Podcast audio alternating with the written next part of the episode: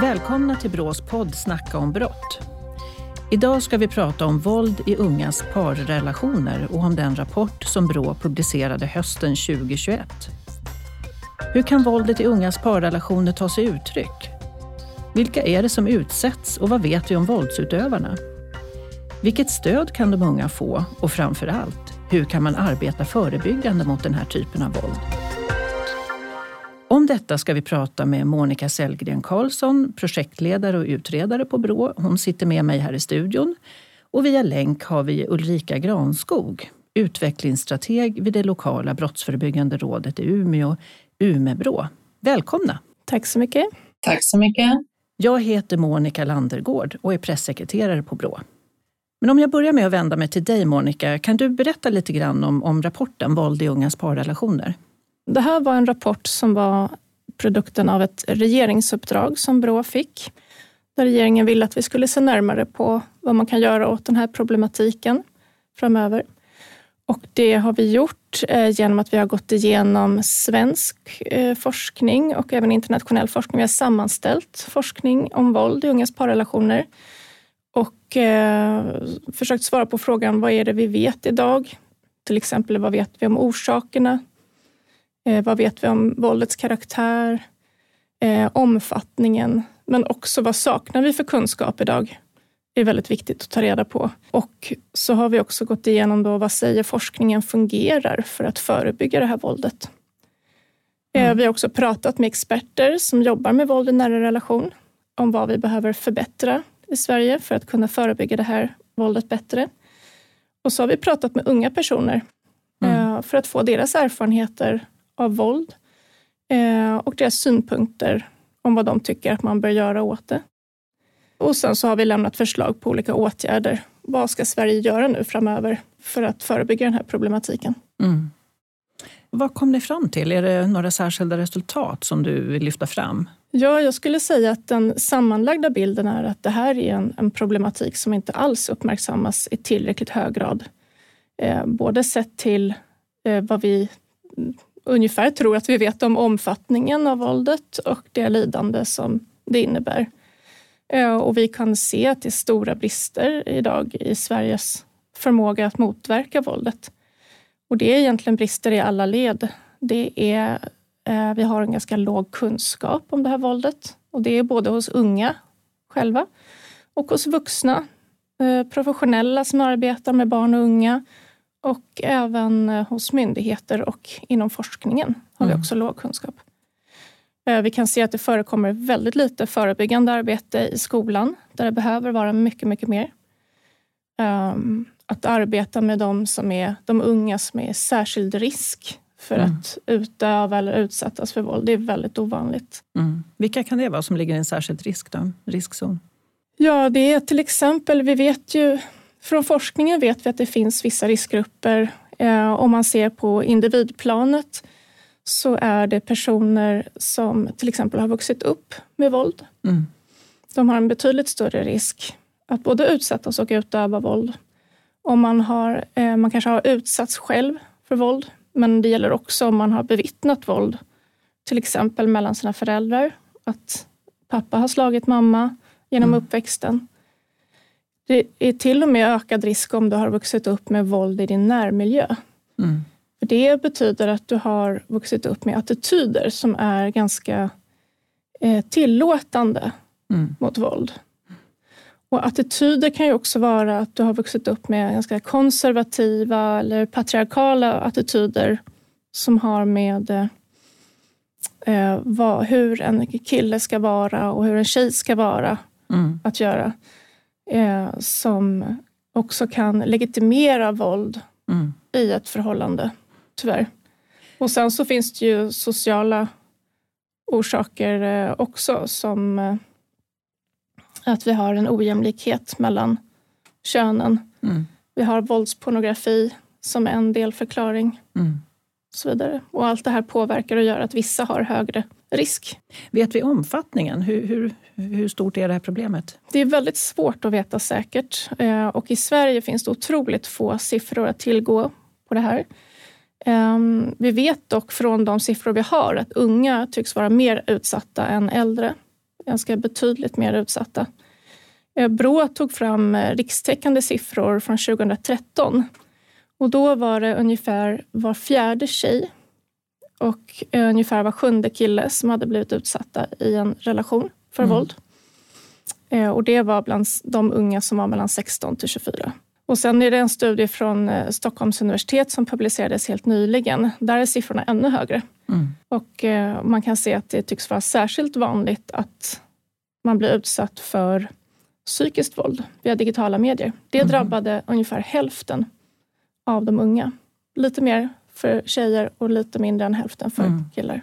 Varför tror du att den här typen av händelser eller problematik inte har uppmärksammats mer? Jag tycker det är svårt att säga. Eh, men förmodligen beror det på att vi har saknat kunskap. Eh, vi har saknat forskning om det. Och då är frågan varför saknas det forskning om det? Eh, och mm. det, det är svårt att svara på. Det har ju länge varit ett fokus på vuxnas våld. Och det har varit väldigt, väldigt välbehövligt också, mm. att forska mer på det. Och jag tror att man kanske inte har tagit våldet mellan unga på allvar fullt ut. Att man har sett det som att det är lite gulligt kärleksknapp och man tror inte att det är så allvarligt som det är. Mm. Och sen så eh, tror jag också att det kan vara så att man inte har hängt med i utvecklingen helt och hållet eh, i ungas digitala liv, eh, där väldigt mycket våld förekommer. Som jag precis sa, de här siffrorna mm. Om att drygt hälften eh, av tjejerna har utsatts för digitalt våld i en relation. Mm. Det är väldigt Och där kanske föräldrar inte har så bra koll? Eh, Nej, jag skulle tro att de flesta, mm. flesta föräldrar har inte bra koll på Nej. det. Så det tror jag kan vara en delförklaring. Men om jag ska vända mig till eh, Ulrika uppe i Umeå. Jag vet att mm. Eh, Umebro har gjort en informationskampanj om våld i ungas parrelationer. Kan du berätta lite grann om den? Varför ni bestämde er för att göra den? Mm. Vilka som har deltagit och så vidare? Eh, jag kan säga en kort bakgrund bara. Så Umeå har en lång tradition av det här jämställdhetsarbetet och flera initiativ på temat mäns våld mot kvinnor. Och jag och mina kollegor på Umeå brotts och drogförebyggande rådet, alltså lokala Brå i Umeå, ansvarar också för den här övergripande handlingsplanen mot våld i kommunen. Den här breda ansatsen med att arbeta långsiktigt med förebyggande arbete. Och vi har också ett medborgarlöfte där polisen och Umeå kommun arbetar för att öka medvetenheten hos våra medborgare gällande våld i nära relation och på så sätt förhindra och förebygga brott. Och vi jobbar ju med flera aktiviteter på det här området med huskurage och vi introducerar barnafrids webbutbildning, barn som utsätts för våld, i elevhälsan hos fältgruppen, socialtjänst och polis. Och jag känner också ett stort samhällsengagemang, alltså ett positivt samhällsengagemang i de här frågorna. Mm. Och därför så när vi började prata, jag och kommunpolisen, om hur kan vi förebygga det här mäns våld mot kvinnor, så gjorde vi lite research och hittade ju Brås tidigare rapporter, så vi välkomnar det här nya forskningsunderlaget. Och Carolina Överliens eh, forskning om att unga relationer är ett område som faktiskt har fallit mellan stolarna. Mm. Och vår slutsats blev väl att mäns våld mot kvinnor börjar med killars våld mot tjejer. Mm. Och när vi arbetar med kampanjer, vi brukar ju ha en tradition med en gymnasieskola här i, i Umeå att göra kampanjer tillsammans så presenterar vi det här uppdraget tillsammans med läraren och de här 32 eleverna att ska vi göra det här? Det här är viktigt på riktigt. Vi presenterar den här kampanjen att vi behövde ungdomarnas hjälp att sätta ljus på den här frågan, våld i ungas parrelationer. Och vi ville att kampanjen skulle uppmärksamma, förebygga och larma om våld i nära relation. Och det som blev aktuellt var också att det blev en bredare ansats. Jag tog med mig tjej och kvinnojouren, polisen, fältgruppen, fritidsgården med att möta upp de här ungdomarna och det blev ett, ett väldigt roligt och intressant arbete. Mm. Var det lätt eller svårt att hitta unga som ville medverka? Eh, det här var ju en klass, en mediaklass som fick mm. det här uppdraget mm. då. Och eh, ja, jag vet inte om de var taggade från början, mm. men det kändes ju i varje fall med tiden och under resans gång så fick vi ju introducera ja, vålds, alltså våld i ungas relationer som ett viktigt arbete att sätta ljuset på. Mm. Och de hade ju mycket idéer, tänker jag. Vad var roligast och viktigast med att involvera de unga, tycker du? Ja, om jag skulle börja med det som jag tycker är viktigast så skulle jag ändå vilja lyfta fram att deras röster, att de fick ge uttryck för någonting som är nära dem, att det blev ur deras perspektiv med deras glasögon som vi såg på det här. Mm. Vi fick ju flera bra exempel på kampanjer. Vi fick åtta kampanjer presenterade för oss. Men eh, kampanjer som Bara ett skämt, Snacka porr, eller kampanjen Medveten eller den här kampanjen som hette Punkt slut. Mm. Men det vinnande bidraget och den med slagkraftigaste text och helt visuellt uttryck, det var Vi måste prata om våldet.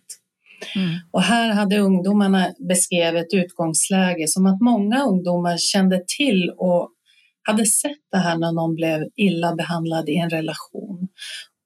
Ungdomarna ville förmedla att det här är viktigt att vi lägger oss i. De tog fram en affisch. Nu är det här svårt att visa er lyssnare, men jag mm. skulle vilja att ni föreställer er en bild. Alltså att en helt vanlig tjej tittar rakt fram på dig. Hon tittar genom dig. Hon har en leende mun, men hon har otroligt ledsna och sorgsna ögon. Och på samma bild har den här unga tjejen vänt sig om och där ser man hennes ryggtavla, hennes axel och hennes bh-band. Men man ser också ett tydligt blå, blåmärke. Mm. Och den här filmen som de också har tagit fram, en liten kortfilm, eh, den har ett starkt och informativt budskap. Och just det här, vi måste börja prata om våldet.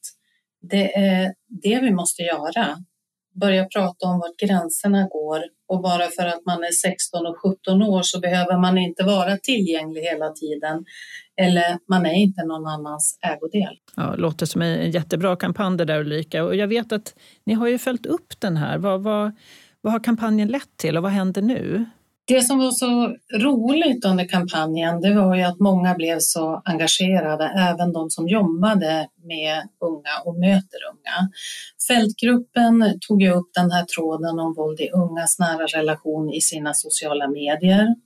Elevhälsan gjorde en kompetenshöjning och de införde också frågor om våld i deras hälsoenkät, det vill säga den som man frågar alla. Mm. Ungdomshälsan håller på med ett utvecklande arbete kring relationsvåld. Och just ungdomshälsan uppvisar ju att där söker många unga hjälp, men kanske inte för våld primärt, utan det här döljer sig bakom psykisk ohälsa, mm. nedstämdhet, depressioner och sen kommer man fram till att ja, det här handlar om våld faktiskt. Ja. Det gäller att vi vuxna vågar ställa eh, liksom, frågor mm. eh, om det också. Men eh, vad som händer mer, vi vill ju inte att det här ska bli ett tomtebloss utan vi vill ju att det här ska bli ett pågående samtal. Vi kommer ta upp kampanjen till våren här igen mm. och vi vill göra mer. Vi vill engagera föreningar. Vi vill lyfta upp ut den på offentliga rummet i Umeå, låta den synas, låta de här samtalen mellan unga och vuxna, föräldrar, barn komma igång. Mm. Men Ulrika, jag undrar, har du något medskick till andra lokala brottsförebyggande råd ute i landet som kanske funderar på att göra en sån här kampanj baserat på de erfarenheter ni har gjort? Alltså jag tror att det vi behöver tänka på det är ju att lyfta fram ungas röster. Vi behöver mm. ju naturligtvis mer forskning och vi behöver stöd ute i kommunerna att med arbetssätt och metoder hur ska vi jobba för att förebygga det här våldet? Mm. Men det som är viktigt också är att vi länkar ihop forskningen med ungdomarnas röster så att vi mm. får det här på rätt sätt. Monica, du ville lägga till någonting där tror jag? Nej, jag tänkte mest eh, också det här som du säger att det är så otroligt viktigt att ha med de unga själva när man utformar åtgärder och det är någonting som faktiskt forskningen också pekar på att det gör att åtgärderna blir mer effektiva. Mm. För det är så svårt för vuxna att utgå från och förstå ungas verklighet idag. Mm. Så gör man någonting så måste det komma från de unga själva. Mm. Annars så riskerar vi att hamna helt fel och de kommer inte känna igen sig alls. Monica, ni har i, i Brås studie så har ni ju intervjuat unga Ja. också som har utsatts för våld i en parrelation. Och, och vad säger de? Alltså, hur kan det här våldet ta sig uttryck? Kan du berätta någonting om det? Ja, eh, vi intervjuade 14 unga personer som hade varit utsatta för våld i en relation. Och det var 13 tjejer, och en kille. Och alla de hade blivit utsatta i heterosexuella relationer ska jag säga. Så det är en bild. Eh, och de var mellan 12 och 23 år när de blev utsatta. Mm. Eh, men de flesta var under 18, så ganska unga. Eh, och överlag skulle jag säga hur våldet tar sig uttryck. Det är väldigt stora likheter med våldet som vi känner det mellan vuxna. Eh, vi har till exempel hur grovt det kan vara. Vi har den här normaliseringen av våldet. Mm. Överlag så skulle jag säga att det var väldigt stora likheter med vuxnas våld. Mm. Eh, och det gäller till exempel hur allvarligt våldet kan vara. Eh, den här normaliseringen som blir en del av den våldsamma relationen, att man gradvis normaliserar våldet och skuldbeläggandet av sig själv. Det är många delar som, är, som har stora likheter med vuxnas våld. Mm. Eh, och de som vi intervjuade hade varit med om ganska grovt våld. Eh, det var ofta flera former, alla former av våld egentligen. Eh, psykiskt våld som de själva ofta lyfter fram som det värsta. Och det tycker jag är intressant att, att lyfta fram också. För att det psykiska våldet är ofta det som vi har svårast att komma åt i rättsväsendet faktiskt. Eh, Men det var otroligt nedbrytande att ständigt bli nedvärderad, kallad hora, du kallas värdelös och så vidare. Mm. Och i det psykiska våldet så kunde vi också se att det var väldigt vanligt. Det är ett inslag av digitalt psykiskt våld. Det är att man, partnern använder utpressning med hjälp av nakenbilder. Mhm. Mm. Så antingen tvingar man till sig nakenbilder i liksom komprometterade situationer eller så har man fått det tidigt i förhållandet och så använder man det som en utpressning. Mm. Men det var också fysiskt våld. Mm. De blev sparkade, slagna, fasthållna. Eh, Sexuellt våld. Det var, eh, de här som vi intervjuade berättar om att det var oftast mycket mindre våldsinslag i det sexuella våldet än vad många kanske tror. För att det uppstår en situation där det övriga våldet skapar en situation där man inte vågar säga nej. Man överväger inte ens att säga nej. Och att man kanske använder till och med att säga ja som ett sätt att trappa ner det övriga våldet. Mm. Eh, Så det är väldigt mycket så kallat tjatsex Mm. eller utpressningssex. Då. Mm. Och jag tänker också att många unga är ju i sin första relation och man har inte riktigt koll på vad som är sunt och vad som är normalt för en relation. Och vilket gör att man kanske ställer upp på saker som man tror att man måste för att det är så en, en det är i en relation. Vad, säger de unga om det som ni har intervjuat? Ja, så är det verkligen och det är någonting som alla de som vi intervjuade tog upp. Att det är därför de behöver mer kunskap, för de vet inte. När man är, som den yngsta var ju då 12 år och när man är så liten då har man ingen aning om vad som är normalt i en relation och inte. Eh, Förutom det man kan se mellan sina föräldrar då förstås. Eh, Men det vi har sett också bland många av de här unga det är ju att de har varit utsatta för en ganska omfattande kont- kontroll i sina relationer som de har trott var sånt som man bara ska stå ut med. Mm. Som till exempel att man måste säga upp kontakten med vänner som ens partner inte gillar. Eh, ibland måste man också säga, alltså, inte umgås med sin familj. Eh, eller annan släkt som man kanske står nära. Eh, och man blir ofta trackad hela tiden på sin snapkarta till exempel eller genom Hitta min iPhone och eh, kontrollerad på andra sätt som att eh, partnern ska kontrollera vad man har på sig och hur man har sin frisyr och så vidare. Och då är det många som säger att jag trodde att det skulle vara så Mm. att vara i ett förhållande. Så det här är otroligt viktigt att vi pratar om. Mm. Men med det sagt ska jag också säga att, eh, för jag pratade ju förut om att det är ganska stora likheter med våldet med, med vuxnas våld. Ehm, och det tycker jag också är viktigt att lyfta fram att det är väldigt unika omständigheter för unga också eh, i och med att många bor ju hemma Mm. och de har sina föräldrar och syskon nära sig. Eh, och man går också i skolan Och där har man närvaro av kompisar och lärare. Och det betyder att vi har mycket bättre möjligheter att upptäcka våldet hos unga eh, än vad vi har hos en vuxen som blir isolerad i en hemmamiljö. Mm. Eh, nu är det ju så att unga inte generellt vill berätta om våldet för någon, utan de gör sitt allra bästa för att dölja det.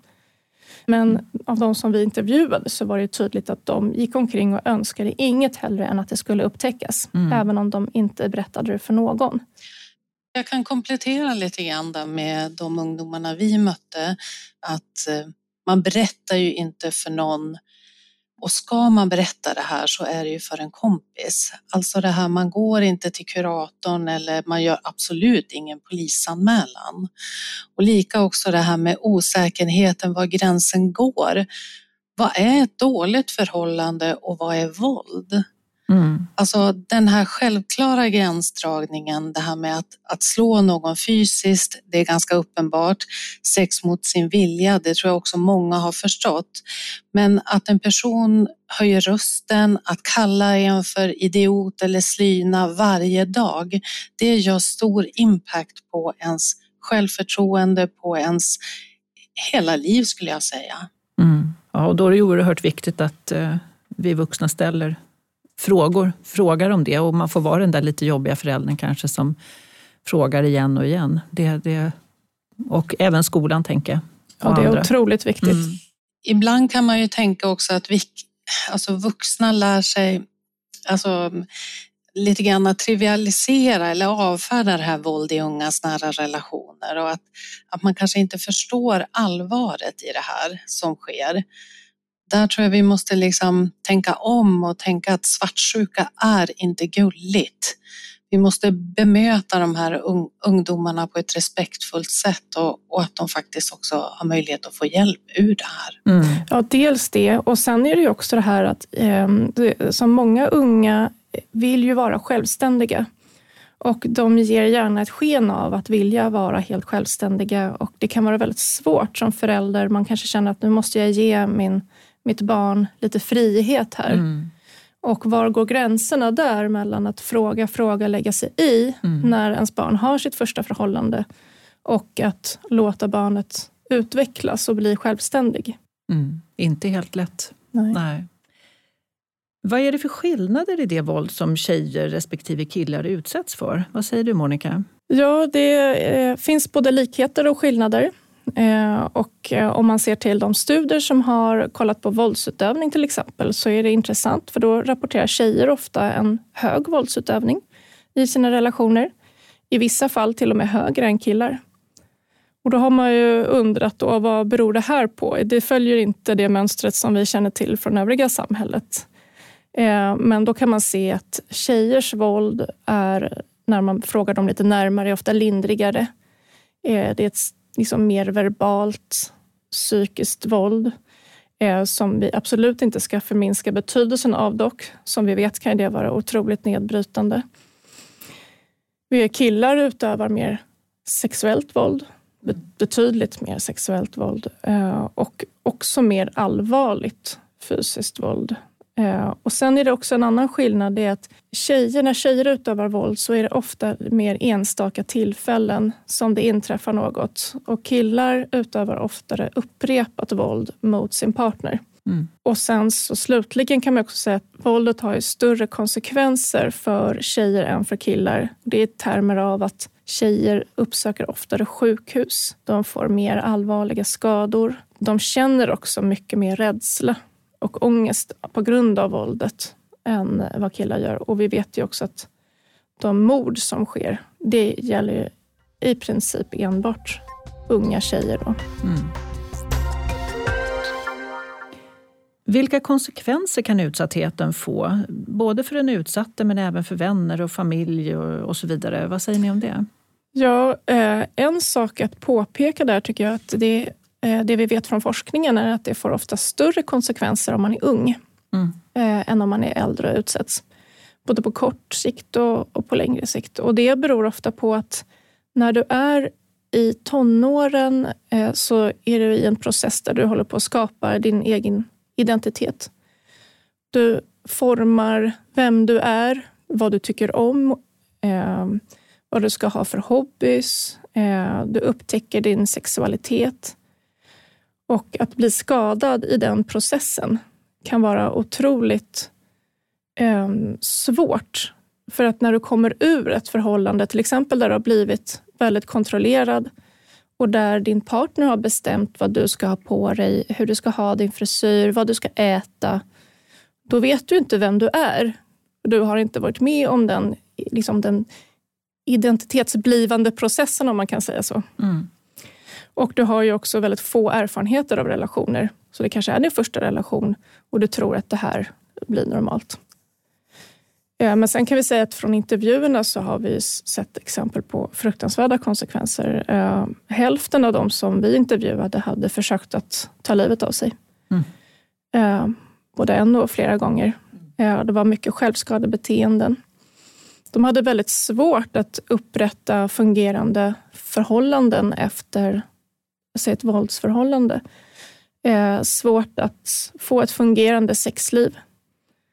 Eh, och sen så var det ju också såna här praktiska problem med att de fick problem med skolan.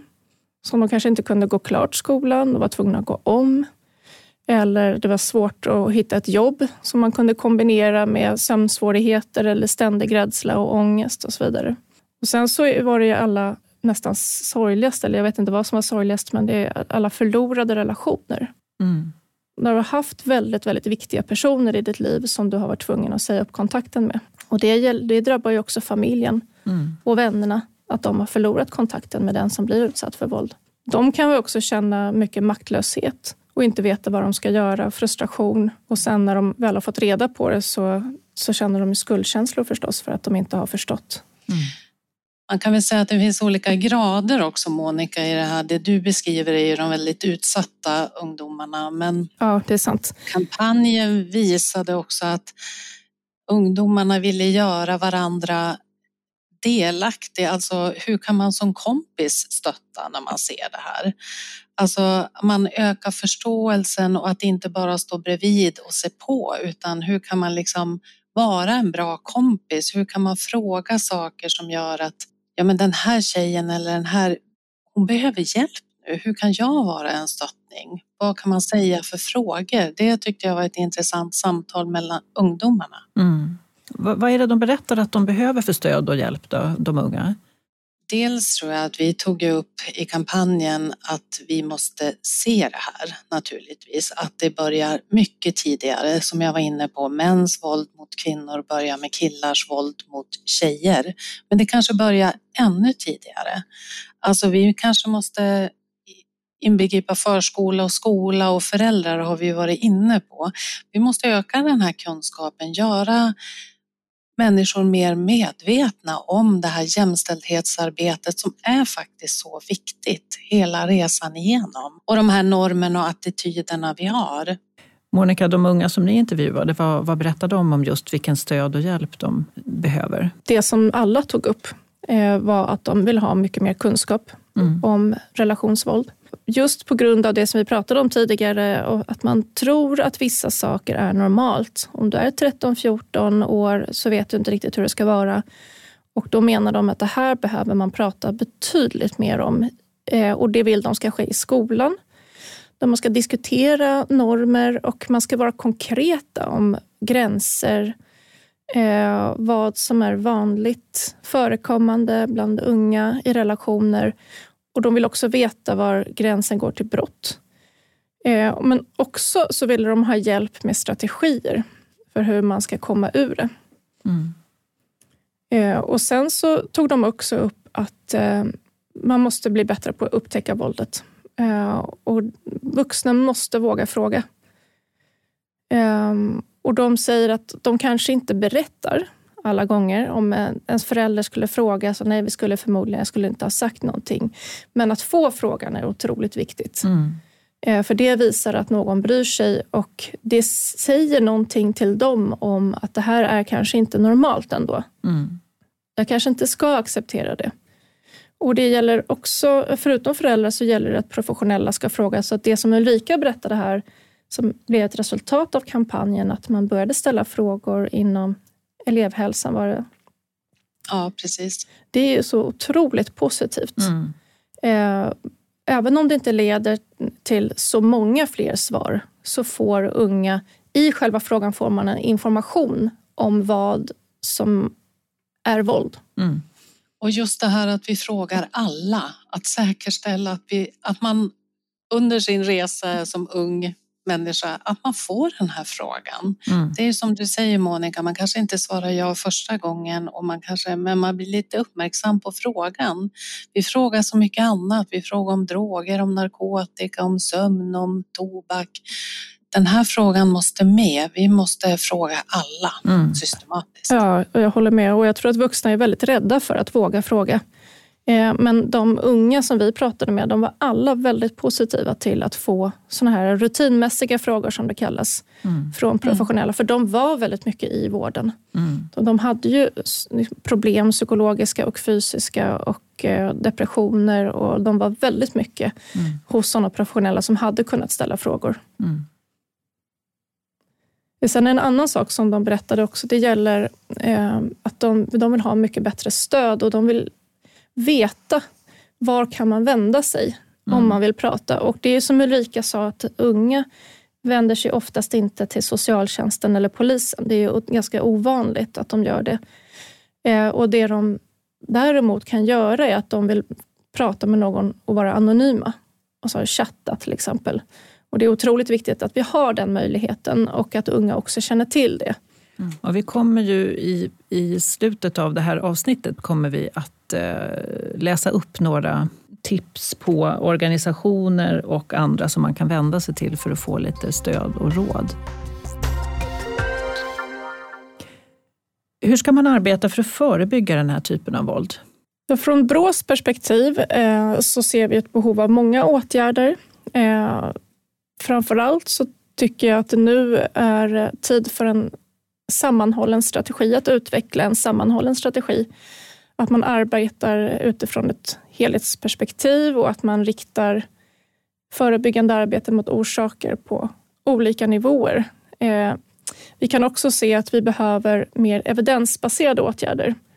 Och med det menar jag att sådana åtgärder som vi vet hjälper, mm. för att vi har utvärderat dem med bra metoder mm. eh, och inte sånt som vi tror hjälper. Det behöver vi mycket mer av. Vi behöver också en väldigt lång uthållighet och långsiktighet i det här arbetet. Och, eh, för vi vet från forskningen att enskilda punktinsatser hjälper för stunden men inte långsiktigt eh, med bara en punktinsats. Mm. Inga tomtebloss alltså, som Ulrika sa förut? Nej, Nej, vi måste komma bort från tomteblossen. Och en sak som man behöver göra för att komma bort från dem är också att myndigheterna som har ett övergripande ansvar för frågan, de måste kompetensutvecklas mm. i den här problematiken och de måste utveckla tydliga kunskapsstöd till mm. regionerna och kommunerna. För det är ju ute i regioner och kommuner som huvuddelen av det förebyggande arbetet faktiskt sker. Och vi har ju lite grann idag lämnat dem ensamma och trevande. Eh, så som Ulrika också har berättat, att man får utveckla sina egna kampanjer och det är fantastiskt att det görs. Men eh, om vi har ett tydligt kunskapsstöd om hur man gör och man har evidensbaserade åtgärder så, så vet vi att vi får betydligt bättre resultat i slutändan. Ulrika, vill du flika in någonting om förebyggande? Ja, där håller jag verkligen med Monica att vi behöver göra flera saker samtidigt. Men ute i kommunerna så efterfrågar vi också det du pratar om, ett kunskapsstöd, evidensbaserade metoder. Vad ska vi hjälpa verksamheterna igång med och vad har vi för kunskapsläge? Vad är det som förebygger våld? Vad är effektiva metoder för det? Det behöver vi hjälp med. Och vi behöver också titta på våldsutövare. Hur kan vi hjälpa unga människor tidigt? Hur kan vi få det här tillgängligt och inte så svårt och krångligt? Utan här ska man kunna få hjälp snabbt. Det här gäller ju också att involvera inte bara tjejer utan killar i allra högsta grad. Vi måste ju få killar som också vågar säga ifrån och när man hör man drar de här liksom lite enkla sexistiska, rasistiska skämten ganska tidigt i den här våldspyramiden. Våga säga, ah, att det där är inte kul, liksom. det där, men släpp det där. Eller liksom att vi får manliga förebilder i idrottsföreningar som kan liksom stå upp för det här att vi måste börja jobba med mäns våld mot kvinnor, killars våld mot tjejer. Det eftersöker jag. Ja, så är det. Det är otroligt viktigt som du säger att involvera även killarna och inte glömma bort det. Och I vår rapport så rekommenderar vi också eh, att man ser närmare på för internationellt så finns det våldsförebyggande program med inriktning på just våld i unga relationer som finns eh, utomlands och som har väldigt goda resultat som är evidensbaserade, som vi inte har i Sverige. Och vi rekommenderar att man ser närmare på möjligheten att eh, föra över de programmen till Sverige. Och i dem så ingår ofta eh, att man både vänder sig till föräldrar och man involverar, alltså då är det ett sätt att få med föräldrarna i det här arbetet så som föräldrarna ofta efterfrågar också. Och eh, då involverar alla elever i det här. Du börjar tidigt. Eh, för det är också en sak som behövs, att man måste komma in tidigt i eh, barns liv och sen så måste det komma återkommande. Och allt det här finns i sådana evidensbaserade program som, som det finns en möjlighet att Sverige kan se över i framtiden. Mm. Ja, vi får hoppas att eh, Brås rapport om våld i ungas parrelationer och annan kunskap som tas fram vid Brå kan bidra till eh, fortsatt utveckling av det här området, att det blir bättre. Då tackar jag Monica Sellgren Karlsson, projektledare och utredare på Brå och Ulrika Granskog, utvecklingsstrateg vid Umeå Brå, för att ni bidrog med er kunskap idag. Tack så mycket. Tack så mycket. Och jag som ledde det här samtalet heter Monica Landergård och är pressekreterare vid Brå. Du har lyssnat på ett avsnitt av Brås podd Snacka om brott. Idag handlade det om våld i ungas parrelationer. Om du som ungdom själv är utsatt eller om du utsatt någon för våld i din relation eller om du som vuxen har frågor om detta kan du alltid kontakta polisen eller socialtjänsten. Det finns också olika organisationer som du kan vända dig till några exempel på det är ungarelationer.se, storasyster.org, ungasjourer.se, RFSL stödmottagning som är en brottsofferjour för hbtqi-personer, UMO som är ungdomsmottagning på nätet samt Välj att sluta som är en stödlinje för våldsutövare. Alla Brås poddavsnitt finns i din poddapp. Tack för att ni har lyssnat.